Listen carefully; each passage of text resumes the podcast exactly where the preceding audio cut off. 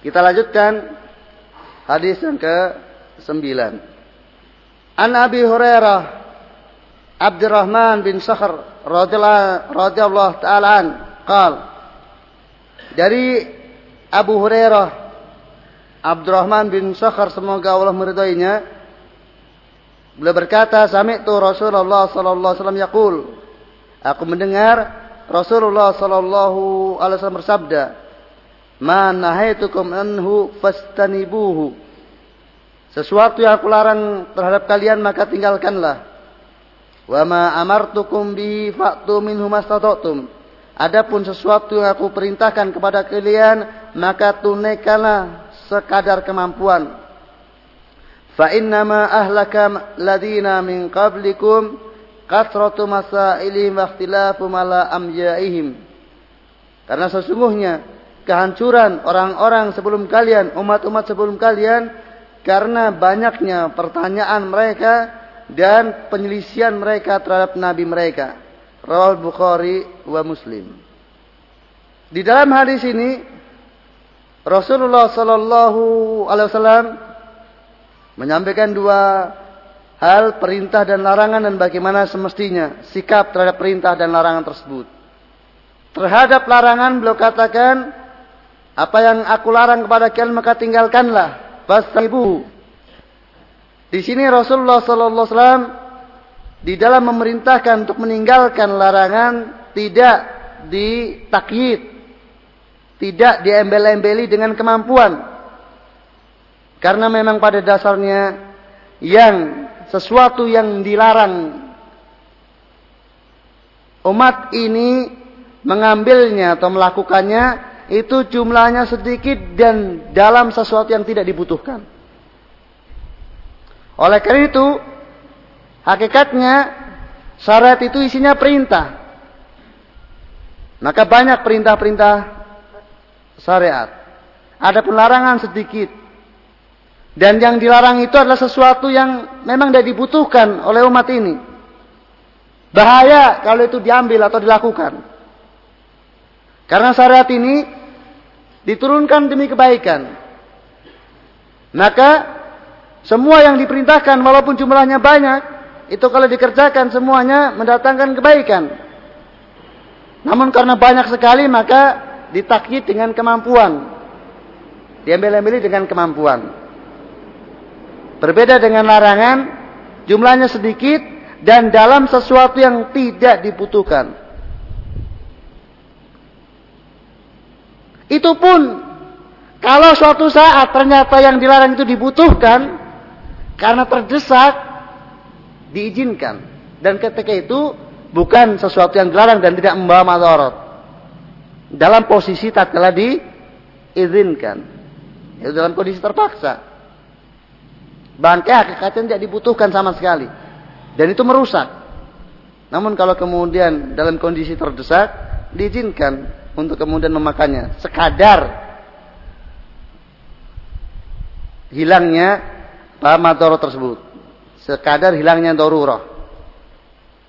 Oleh karena itu ada kaidah inna ad-darurat tubihul mahdurat wa ad-darurat tuqaddaru biqadariha. Kondisi darurat menyebabkan bolehnya sesuatu yang dilarang. Namun darurat diukur sesuai dengan kadar yang sudah ditentukan. Ad-darurah tuqaddaru biqadariha. Jadi tidak tatkala darurat kemudian apa? dibolehkannya untuk yang haram kemudian berfoya-foya dalam yang haram. Tidak. Tuqaddaru biqadariha sampai hilang batasan dorot itu, maka sudah haram lagi kan. Maka pada hakikatnya semuanya mampu untuk meninggalkan yang haram, mampu. Oleh karena itu tidak tidak ditakhid dengan kemampuan. Semua kita mampu meninggalkan yang haram. Meninggalkan yang dilarang Nabi Shallallahu Alaihi Wasallam. Kalau tidak mampu tentu akan dikatakan masa toktum. Maka istilah wah saya tidak mampu itu bukan apa dalil syar'i itu menunjukkan dokful iman. Jadi kalau ada seorang dia dilarang dari meninggalkan yang haram, wah kalau meninggalkan ini tidak mampu saya. Itu menunjukkan dokful iman, kecuali memang kondisinya darurat. Tapi dalam kondisi tidak darurat, kemudian dia mengatakan tidak mampu, itu tidak menjadi alasan ketidakmampuannya. Maka misalnya ada istilah, oh kamu kan sudah ngaji, jadi mampu kamu meninggalkan itu. Kalau saya belum ngaji, jadi tidak mampu. Seolah-olah beda hukum syarat itu. Yang haram bagi yang sudah ngaji sama yang haram bagi yang belum ngaji. Kalau bagi kita enak biasa ngaji. Ya. Maka kadang orang tidak mau ngaji karena apa? Nanti yang haram jadi banyak. Karena dengan ngaji itu banyak tahu yang haram. Sulit nanti. Jadi tidak mampu untuk meninggalkan yang haram. Padahal sesungguhnya kalau dia mau menghadap kepada Allah Ta'ala dengan jujur dan dengan benar. Mau mengabdi kepada Allah Ta'ala. Allah membantu dan memudahkan. Bagaimana sudah kita dapatkan dalam hadis Mu'ad bin Jabal. Wa innahu layasirun liman yasrallah. Dan itu mudah bagi yang dimudahkan oleh Allah SWT. Maka kalau kemudian orang-orang yang ngaji tersebut mampu meninggalkan yang haram, itu baginya pun mudah meninggalkannya. Maka kalau kita ikuti jejak mereka untuk bertafakuh fiddin, akhirnya punya kemampuan untuk kemudian meninggalkannya. Seperti mungkin misalnya yang sudah menjadi kebutuhan primer bagi banyak kaum muslimin. Musik atau hadirnya televisi. Ada di antara kaum muslimin yang mungkin tidak bisa hidup, dia merasa tidak bisa hidup, tidak mampu hidup tanpa musik. Padahal keharumannya binasil hadis Rasulullah sallallahu alaihi. Demikian juga televisi berdasarkan fatwa saya Muhammad Nasruddin Al-Albani bukan karena zatnya tapi karena isinya. Kalau ada televisi isinya pengajian tok maka mungkin wajib memiliki televisi. Tapi karena isinya full aurat, full music, dan full kebatilan, keharaman, bid'ah, syirik dan lain sebagainya. Maka kalau kalian mau mau hidup di sebuah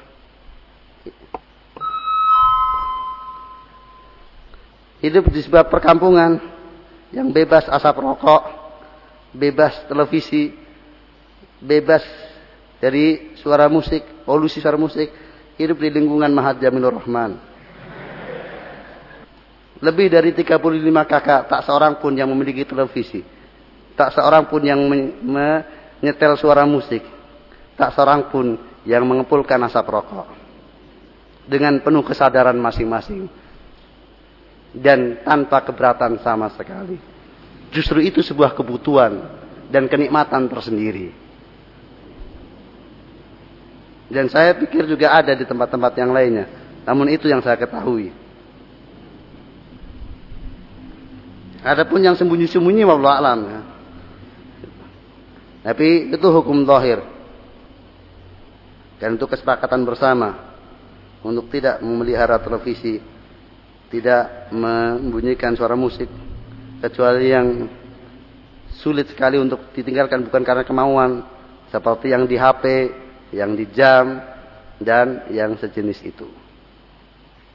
Dan bagi yang tidak puas dengan ini silahkan baca kitab Imam Al-Qayyim rahimahullah khusus tentang masalah simak.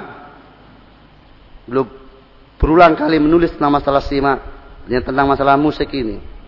Dalam kitab khusus tentang masalah mendengarkan dan juga dalam kitab-kitab yang lainnya sebagai bagian dari pasal atau eh, bab tentang masalah urusan dengar-mendengar ini. Kalau sudah membaca itu semuanya dengan dalil baik dari Al-Quran maupun dari hadis masih belum yakin ya karena sudah cintrongnya itu luar biasa kepada yang satu ini. Nah demikian ifafidin asallahu yakum meninggalkan larangan di sini buhu yang pada dasarnya larangan dan perintah itu terbagi dua ya. Larangan yang tidak boleh tidak harus ditinggalkan. Ini yang hukumnya haram. Larangan yang lebih baik untuk ditinggalkan. Hukumnya makruh. Artinya boleh dikerjakan. Tapi sebaiknya ditinggalkan. Demikian juga perintah. Ada perintah yang tidak boleh tidak harus dikerjakan. Yang hukumnya wajib. Dan perintah yang sebaiknya dikerjakan. Yang hukumnya sunnah. Namun semestinya seorang itu tatkala mendengar larangan Nabi SAW tidak kemudian bertanya ini haram atau makruh? Tidak. Dia tinggalkan. Wa nahaytukum an fastanibuhu. Demikian juga tatkala mendapatkan perintah untuk melakukan satu, maka tidak bertanya. Bukanlah adabnya bertanya ini wajib atau sunnah.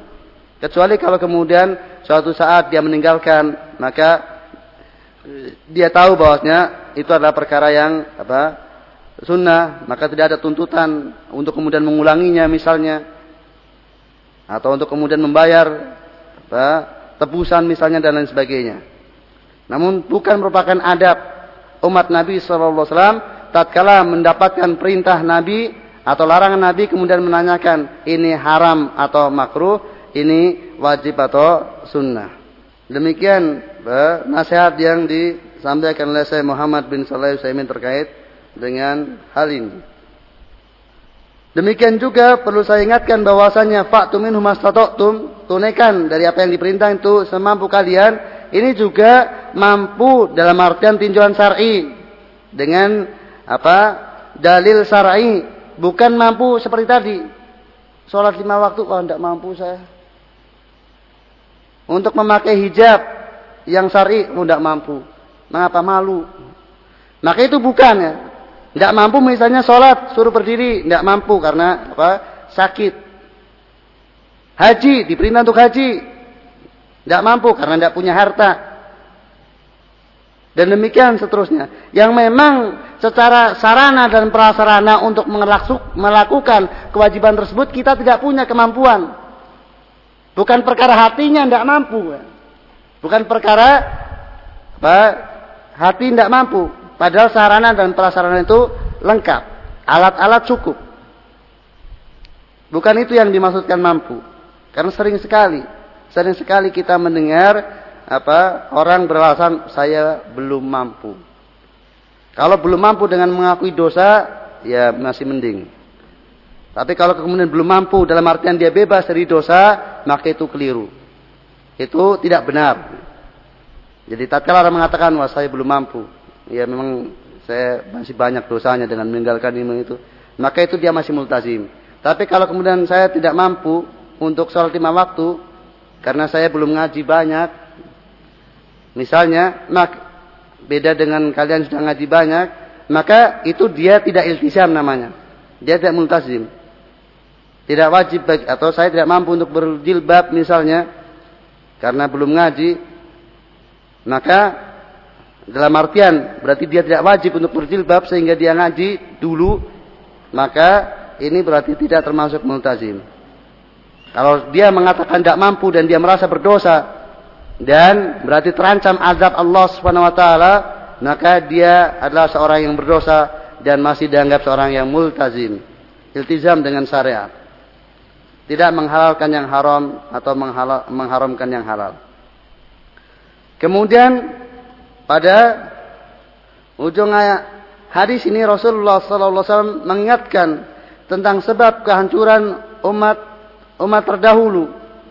Ada dua hal bersebabkan di sini karena banyaknya pertanyaan yang mereka ajukan.